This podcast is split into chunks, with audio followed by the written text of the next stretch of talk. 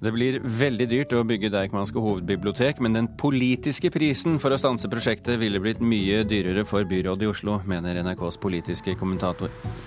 Ingen vet om stjålne kulturgjenstander har et marked i Norge. I dag starter en stor konferanse om temaet i Oslo.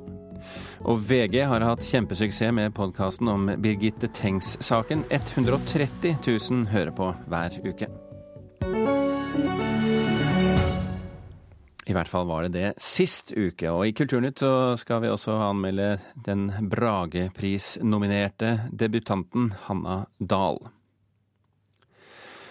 En gledens dag, men jeg er ikke overrasket. Det sier leder i Norsk bibliotekforening, Mariann Skeide. Etter det NRK erfarer, blir det altså nytt hovedbibliotek i Bjørvika i Oslo. Det har vært usikkerhet rundt prosjektet den siste tiden, men nå vil altså det nye byrådet fortsette byggingen. Det er jo helt fantastisk. Det er jo en gledens dag. Men uh, uten å virke for blasert, så er jeg jo ikke særlig overraska. Jeg syns det hadde vært veldig rart hvis det hadde blitt stoppa nå. Mariann Skeide er leder i Norsk bibliotekforening, som representerer landets mange bibliotekbrukere. Hun er en av dem som har reagert kraftig på ryktene om at Oslo-byrådet vurderte å skrote bibliotekplanene. Det har vært noen nervepirrende dager der vi har sett dem voldsom mobilisering og et eh, veldig engasjement for Deichman fra alle kanter. Så det har, vært, eh, det har vært dager som har vært eh, arbeidskrevende og litt vel spennende, det må jeg si. Hvis dette stemmer, så er jo det kjempegode nyheter. Matskribent Andreas Viestad er en av mange som har vært med på et opprop for å fortsette byggingen av det nye hovedbiblioteket i Bjørvika. Jeg tenker at det er sikkert mange grunner til å kritisere måten eh, prosjektet har vært drifta til nå. Men det at man trenger et stort, åpent, moderne bibliotek midt i byen, det er det ingen tvil om. Siden byggeplanene ble vedtatt i 2013 har prosjektet gått på flere budsjettsmeller. Biblioteket kan bli på opp mot en halv milliard kroner dyrere, og ferdigstillingen er utsatt med minst tre år. Dette var årsaken for at det ferske Oslo-byrådet igjen ville revurdere prosjektet. Jeg er redd for at, denne, at uh, dette kommer til å bli mye, mye vanskeligere enn uh, enn det byrådet har sett for seg, og bygger dette bygget der det er nå. Camilla Wilhelmsen er leder for Fremskrittspartiet i Oslo. Partiet har hele tiden vært imot å bygge bibliotek på den gjeldende tomten i Bjørvika. Når det gjelder dette prosjektet, så er det jo prisen, og det er også det innholdet som uh, man har satt i, i biblioteket. Som, som, vi er mot. Og nå har det jo vist seg altså, i den senere tid da, at Prisen går jo langt over det den opprinnelig skulle vært, som vi i tillegg mente var for høy. Men uh, grunnforholdene er jo veldig, veldig vanskelige. Så jeg må si at med, med, med dette i mente, så, så syns jeg det er rart at byrådet velger å gå videre med prosjektet. Men som sagt, jeg har ikke løst begrunnelsen ennå. Det sa Fremskrittspartiet. Byrådsleder Raymond Johansen fikk selvsagt tilbud om å uttale seg i denne saken, men han holder altså pressekonferanse senere i ettermiddag og vil vente med å snakke til det. Reporter det var Marie Røsland. Politisk kommentator i NRK Magnus Takvam, hvorfor tror du at Oslo nå går for å bygge Deichmanske hovedbibliotek? Fordi det ville blitt en for stor eh, belastning å skrinlegge prosjektet, selv om det har påløpt eh, store ekstrakostnader ved bygget. Store problemer med grunnforhold og, og hodepine for, for, de som står for prosjekteringen her. Så ville det å avlyse et prosjekt der man allerede har investert hundrevis av millioner kroner, og som da i så fall ville vært tapt, det, det ville vært en større belastning eh, å avlyse det, enn da tross alt å gå videre med prosjektet. Men hvorfor Altså dette prosjektet er jo mm. eh, kanskje urettferdig å kalle det at det har gått på skinner, for det mm. har det kanskje ikke. Men, men det har nå i hvert fall eh, vært i gang i lang tid, eh, og Høles er der, og spuntingen og grunnforholdene er ordnet. Mm. Hvorfor tok de seg da en tenkepause i utgangspunktet? Det var jo fordi det nye byrådet i sitt eh, nye reviderte budsjett som ble lagt fram 19.11, hadde hatt, slik de argumenterer, for dårlig tid til å gå inn i realitetene bak eh, prosjektet, alle detaljene. Så de trengte den ekstra tiden for å ta en kvalitetssikring av, av prosjektet. Og så, så, er det nok sånn at det ikke uten videre full en, har vært full liksom jubel internt i byrådspartiene eh, for å gå videre. Det har vært en reell eh, dragkamp og vurdering om man faktisk skulle gjøre det, så de trengte den skal vi si, interne diskusjonen. Det er også en politisk tyngdelov oppi det hele. Det er i realiteten et flertall politisk i Oslo bystyre for å fortsette Det er ikke man partiet Høyre, Venstre osv. er tilhengere av det, partiet Rødt uh, osv. Så videre, sånn at det er ikke uten videre bare for et mindretallsbyråd da, eh, å, å, snu det. Men hva har vært dilemmaene for byrådet som de har måttet eh, komme rundt i denne saken? Det er jo å veie opp de framtidige driftskostnadene ved to store kulturbygg som Oslo kommune i framtiden må bære hovedansvaret for. Staten jo, kan jo komme inn delvis og, og, å bidra noe, men tross alt så er det en kommune som må drifte da etter hvert både det nye Munch-museet, Lambda, og eh, det nye hovedbiblioteket, som, som er svære kostnader. Eh, like mye som Norske Opera, så vidt jeg forstår, årlig, mer enn de får inn i eiendomsskatt. Ok, eh, Er det forsvarlig på lang sikt eh, å prioritere det i økonomisk mer skrinne tider? Eh, på bekostning muligens av andre løfter som disse partiene har kommet med eh, på velferdsområdet for, for Oslos innbyggere. Eh, Fremskrittspartiet har jo vært en, en, eh, veldig bastant motstander av byggingen av Deichmanske i Bjørvika, fordi de har vært redd for nettopp kostnadene. Ville det vært for, stor politisk, eh, et for stort politisk problem for Arbeiderpartiet å, å eh, vende seg mot Frp for å få støtte i denne saken? Det i, har i hvert fall vært et altså Arbeiderpartiet har jo i bystyret støttet dette prosjektet. Eh, og det ville vært ekstra krevende å snu nettopp av den grunn. Når det gjelder Tøyen og det nye Munch-museet i Bjørvika, så har jo Arbeiderpartiet i Oslo eh, opprinnelig eh, gått inn for eh, Tøyen og beholde det der og oppruste det der. Eh, mens som sagt, for, for, hovedbiblioteket så har de hatt et annet syn. Og det, det gjorde det nok, skal vi si, terskelen for å, for å snu enda høyere. Magnus Takam, takk for at du kom. I dag starter en stor konferanse om ulovlig handel med kulturgjenstander i eh, Oslo. Det er kulturminister Toril Vidvei som har tatt initiativet til konferansen, som samler toll- og politietater, museer og fagfolk fra hele verden. Om stjålne kulturminner faktisk blir solgt her til lands, det er det riktignok ingen som vet.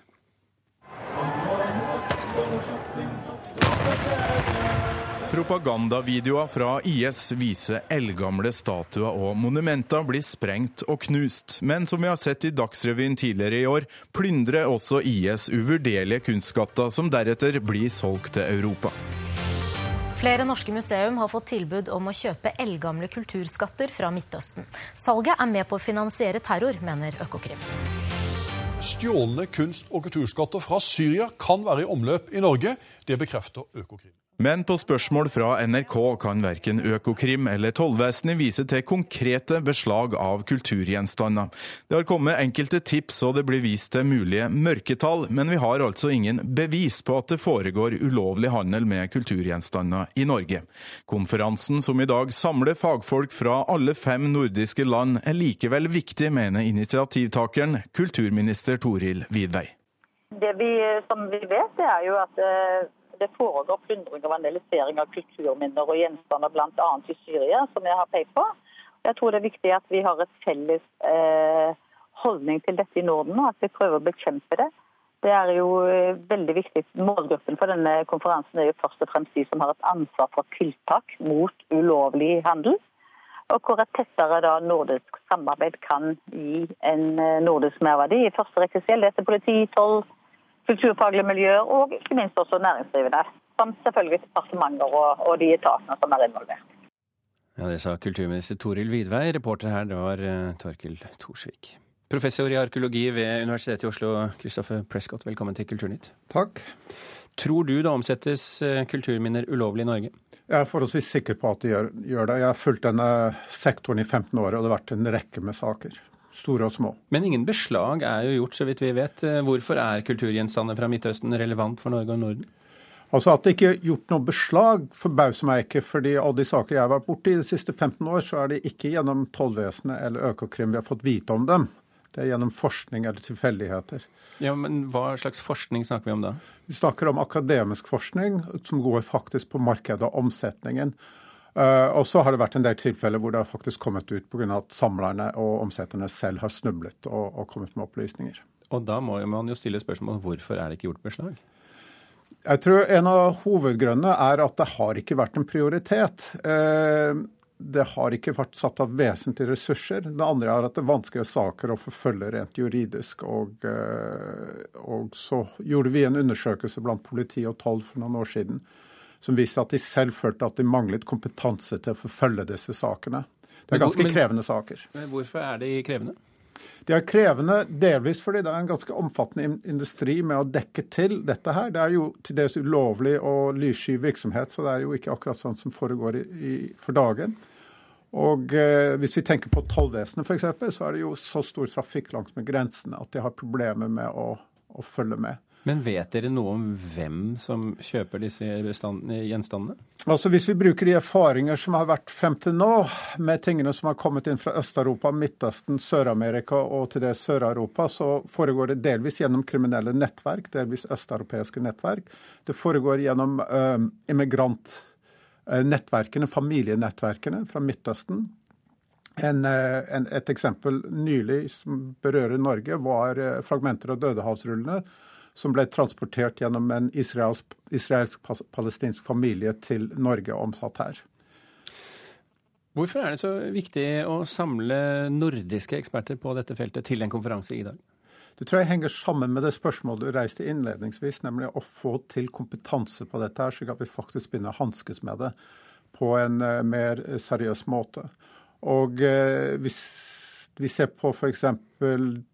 nettverkene antikvitetshandlere som selger oldsaker i Norden, så er det et nordisk samarbeid der også. Men vi trenger internasjonalt samarbeid og internasjonal informasjonsdeling på dette. her. Og Hva skal du snakke om i foredraget ditt i dag?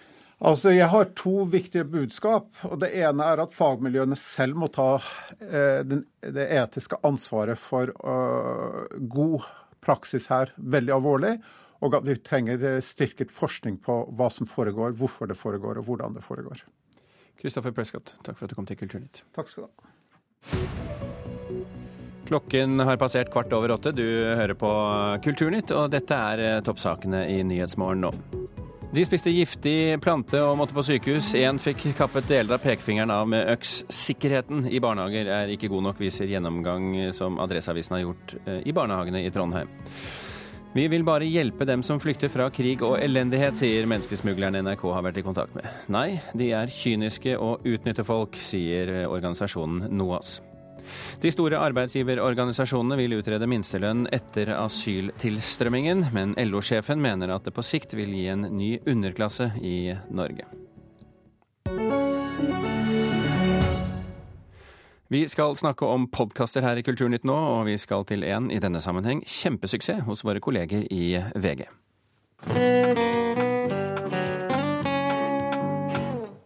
Jeg heter Tor Erling Tømt Ruud og er journalist i VG. I denne krimpodden skal vi se nærmere på Birgitte Tengs-saken.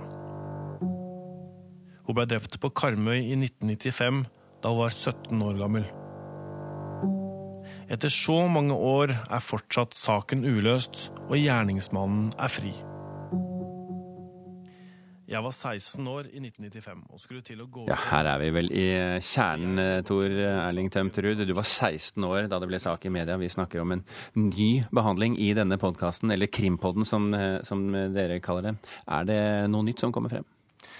Det som vi ser, er at eh, ved å se på hele saken på nytt og sette den i en sammenheng og bruke lydmediet til det, så fremstår det faktisk som nytt. Fordi det er mye vi har glemt. Det er mye vi har hørt litt om, og heller ikke hørt om, som nå blir fortalt på nytt. Eh, sånn at historien er jo fortsatt eh, fremstår som ny og, og spennende. Men så er det jo det nye om vi klarer å løse saken eller får finne en gjerningsmann. Det tror jeg er utrolig vanskelig å gjøre etter 20 eh, år. Men eh, seinest i går så ringte jeg tror det var tre, tre stykker uavhengig til meg, til meg og, og, sa at de hadde opplysninger om saken. Mm. Og Det tar litt tid å, å, verifisere det, så du skal slippe å, å, å si hva det var. Men du, du, du, nevnte dette med lydmedia, at det er annerledes. Du skriver jo vanligvis i papiravisen VG og nettavisen VG. Hva er det som er annerledes med lydmedia? Du kommer mye tettere på eh, historien. Eh, du får høre de som var involvert. Og ved å lytte intenst, som du gjør med en podkast og et radioprogram som du liker godt, det, det, da får du rett inn i øret, og du kan nærmest lukke øya og, og skape dine egne bilder. Og dermed kanskje lage en enda sterkere historie. Du er jo nå en del av et lite team som lager denne podkasten. Hvorfor ville dere det? Hva var motivasjonen? Eh, VG har god kompetanse på det å grave fram saker, og særlig krimsaker eh, har vi mye kompetanse på.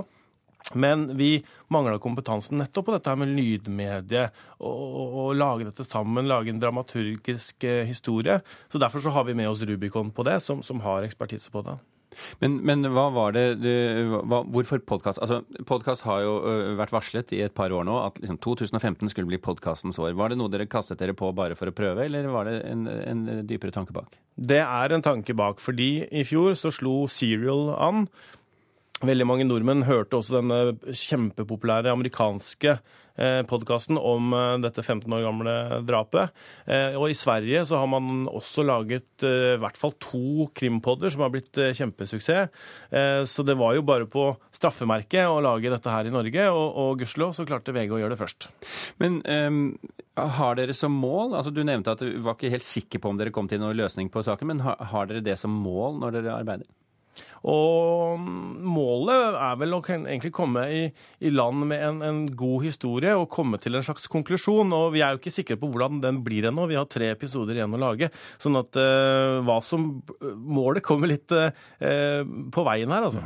Dere har altså fått sist, sist episode så var det 130 000 lyttere. Det er jo må jeg jo si veldig bra.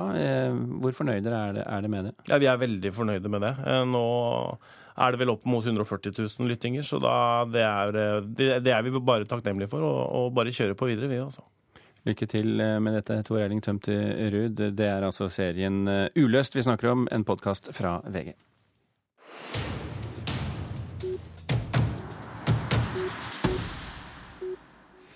Flere spillefilmer er spilt inn i Sogn og Fjordane i det siste. Skrekkfilmen eh, Mare er nylig spilt inn i Vadheim, og den storslåtte, men klaustrofobiske naturen understreker temaet i filmen, sier regissøren. Ok, nå gjør vi for opptak. Vi er på filminnspilling i Vadheim. Scene 66, bilde 4, sleit 178, Tangen 1, market! Her blir skrekkthrilleren Mare spilt inn. Filmen handler om en ung gutt som drar til bestemora si i Vadheim. Hun bor i huset der mora hans døde. Mora hadde alvorlige mentale problem, og sønnen opplever lignende symptom. Etter hvert klarer han ikke skille mellom fantasi og virkelighet. Naturen i Vadheim understreker denne dramatikken, sier regissør René Bjerregård. Jeg var ute etter uh, et sted som var veldig klaustrofobisk, men samtidig stort og vakkert. Og da passer uh, fjord, fjell og daler fantastisk fint. For det er, selv om det er så stort og spektakulært, så føler man seg veldig alene inni denne dalen. og det er det jeg har lyst til at karakteren nå skal føle. Og det gjør man her. Man ser store fjell rundt seg overalt. Man kan liksom ikke se lenger enn Vadheim. Eh, og det er perfekt her. Og da får vi fantastisk fine bilder. Det kommer til å bli så uendelig vakkert å se de bildene som går innover denne fjorden, med de majestetiske høye fjellene. Det sier skuespiller Grete Michaelsen. Og så plutselig zoomer du inn på dette lille, vakre, gamle huset med all sin historie. Og da du kommer inn i dette huset og opplever det sterke dramaet, psykologiske dramaet, på grensen til eksistensielle spørsmål. Det kommer til å bli en wow-sammenheng som bare underbygger hverandre. Det blir liksom vakkert og ondt i ett.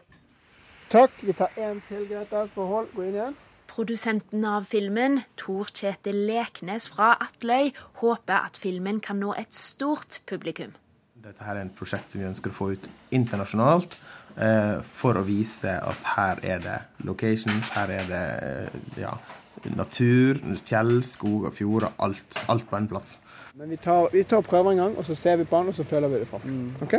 Kult. Veldig kjekt å på en måte se hvordan et sånn profesjonelt team gjør det. Sier Rodne Sørhol. I de to ukene innspillinga har vart, har han arbeid som produksjonsassistent på filmen sammen med Magnus Førde. Å få være med på en sånn skikkelig eh, filminnspilling er veldig lærerikt for meg.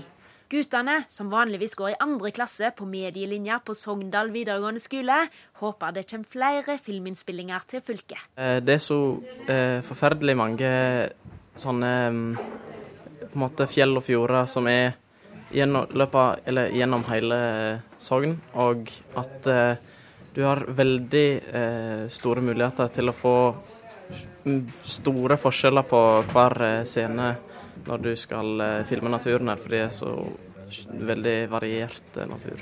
Kult. Takk. Eh, kan jeg bare kjapt se her? Veldig kjekt å på en måte se hvordan et sånn profesjonelt team gjør det. Få litt innblikk i hvordan verden deres er. Så hvis vi har lyst til å ta det videre, så har vi måte fått litt forståelse av hvordan det er å ha med å gjøre med et stort filmcrew. Jeg holder. Vi har. Kult. Ja, det- Ser du det? Så enkelt er det. Så enkelt er det. Planlagt eh, premiere på Mare, det er om ca. ett år. Reporter her, det var Elise Sundfør Erdal.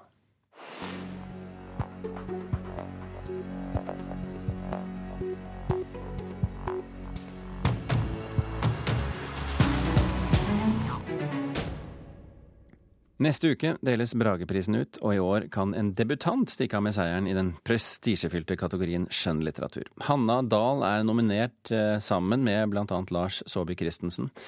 Eh, og vår anmelder Marta Norheim har kommet i eh, studio. Marta, lar du deg imponere over novellesamlingen Rønne-imperiet? Ja, jeg gjør det. Den er helt uvanlig velskreven til å være av en debutant, så jeg er skikkelig imponert. Altså, dette er en novellesamling med seks noveller.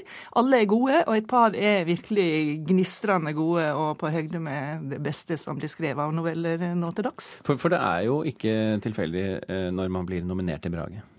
Nei, eh, det jeg vil jo tro at eh, komiteene støvsuger ganske grundig gjennom og ser hva som har kvalitet. Og du slenger liksom ikke på en debutant hvis du ikke mener det. Hvor uvanlig er det for en debutant å levere en bok med, med bare gode noveller? Ja, altså det er jo litt varierende kvalitet her også. Eh, Det som er typisk for debutanter, er nettopp at de er ujevne. Eh, Og, og den typiske debutant dupper vel kanskje litt lenger ned i kvalitet enn enn det som skjer her, fordi at dette er en veldig god debutant. Det er også en eh, ganske voksen debutant. Hun er født i 1977, og det kan jo godt hende hun har skrevet en god del uten at det liksom har kommet ut i bokform før dette. Hva er det som gjør henne god?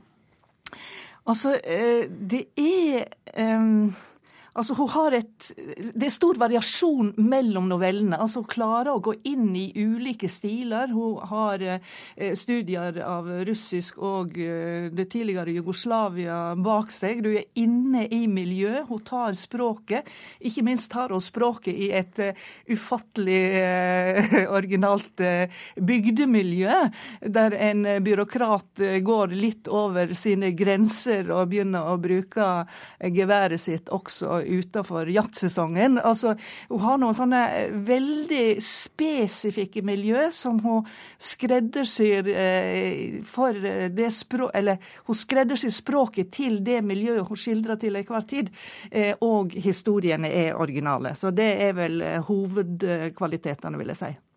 Hva, hva hand, du nevnte eh, Russland og Jugoslavia som bakgrunn, men hva handler de om, hvis vi liksom bort fra selve eh, historiefortellingen? Ja, du er ute etter den røde tråden, kanskje? Nei, jeg er ute etter om hun har et slags, ja, et slags rød tråd, en, en tematikk hun er opptatt av. Ja, eh, Det er for så vidt et godt spørsmål. Jeg har lett etter den røde tråden og, og har i grunnen ikke funnet den. Men det som jeg har funnet i noen av novellene, er at hun er opptatt av grenser. Og ikke, ikke til å undres over så er opptatt av grenser i den novella som kommer fra det tidligere Jugoslavia.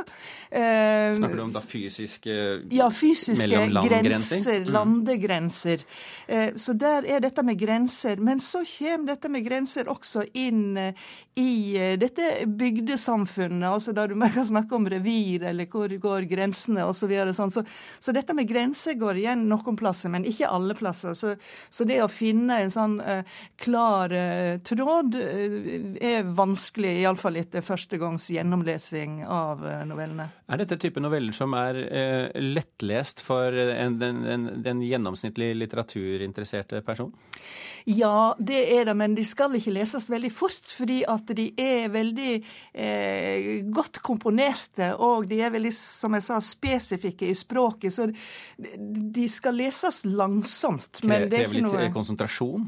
Ja, eh, jeg syns nok det. Eh, og, det, det, mener jeg er en kvalitet. Altså, det er ikke sånn du rafser gjennom og fort lest og fort glemt. Det er rett og slett eh, et konsentrasjonsarbeid. Men, ikke, men, det er ikke sånn du må kunne eh, noe om eh, tidligere Jugoslavia for å skjønne hva det handler om. Altså, det er ikke på kunnskapsnivå det er vanskelig, men, men det, er, det, er, et språk som, som, krever en konsentrasjon.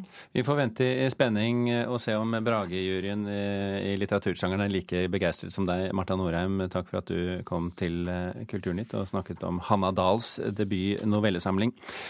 Vi er i ferd med å runde av her. I dag har vi fortalt at det blir veldig dyrt å bygge Deichmanske hovedbibliotek, men at vår politiske kommentator kommentator mener den politiske prisen for å stanse prosjektet ville vært mye dyrere for byrådet i Oslo.